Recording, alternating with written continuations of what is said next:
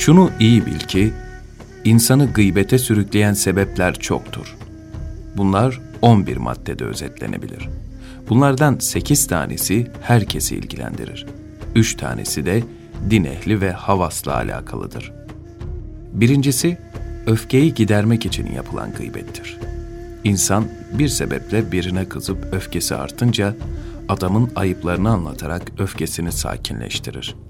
Şayet kendisini engelleyecek dini hassasiyete sahip değilse haliyle dili gıybete kayar. Bazen de kızgınlığını bastırır. Ancak kızgınlık içinde gizlenir ve sabit kine dönüşür. Böylelikle sürekli gıybete sebep olur. Kin ve öfke gıybete sürükleyen en büyük faktörlerdendir. İkincisi, arkadaşlara uymak için gıybettir. Kişi arkadaşlarına uyarak onların gıybet etmelerine yardımcı olur. Arkadaşları gıybetle gönül eğlendirirken onların zoruna gider ve kendisinden nefret ederler endişesiyle onlara karşı çıkmayı ya da o meclisi terk etmeyi uygun görmeyip konuşmalarına izin verir. Bu davranışında güzel geçim ve hoş sohbet olduğunu zanneder. Bazen arkadaşları bir şeye kızınca o da o şeye kızması gerektiğine inanır. Böylelikle gizli ve açık her zaman onlarla birlikte olduğunu ifade eder. Onlarla beraber ayıp ve kusurları sıralamaya başlar. Bu yanlıştır. Üçüncüsü kendini savunmak için gıybettir.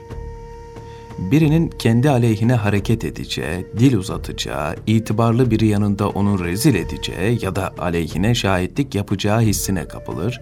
Onun yapacağı şahitlik geçersiz olsun diye arkadaşı onu kötüleyip ayıplamadan önce kendisi çabuk davranarak onu kötüler. Ya da şöyle bir yöntem uygular. Peşine yalan sıralayabilmek için ilk önce arkadaşı hakkında doğru olan şeylerden bahseder.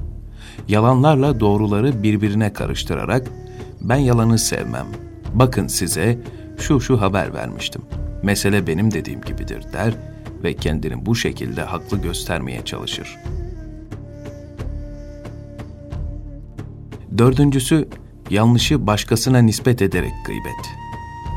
Yanlış yaptığı bir şey kendisine isnat edilen kişi ondan sıyrılmanın yollarını ararken başkasının yaptığı yanlışları diline dolar. Halbuki kendini temize çıkarırken başkasını kötülememelidir. Bazen bu kimse başkasının o yanlışta kendisine ortak olduğunu zikrederek suçunu hafifletmek ister. Beşincisi övünmek için gıybettir. Bazıları başkasının noksanını ortaya çıkarıp kendini yüceltmek ister ve falan cahildir, anlayışı kıttır, konuşması zayıftır gibi sözler söyler. Gayesi kendisinin faziletli olduğunu ispatlamak, daha bilgili olduğunu göstermektir. Bazen de kişinin hak yanında itibarının yücelmesinden korkar ve bu nedenle aleyhinde konuşur. Gelelim altıncısına. Haset ve kıskançlıkla gıybet. Bazıları insanların sevdiği ve ikram ettiği birinin övülmesini istemez. Bu nimetin ondan gitmesini arzular. Bu maksadı içinde onu kötülemekten başka hiçbir yol bulamaz. O kişinin insanlar yanındaki şeref ve haysiyetini düşürerek sevgi ve ikramdan uzaklaştırmak ister. Zira insanların ona ikramı, övgüyle bahsetmesi hasetçiye çok ağır gelir.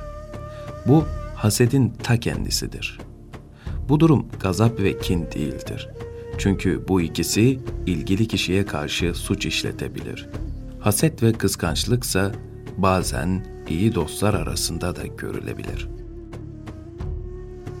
Gıybetin herkesi ilgilendiren sekiz çeşidinden altısı bunlardır.''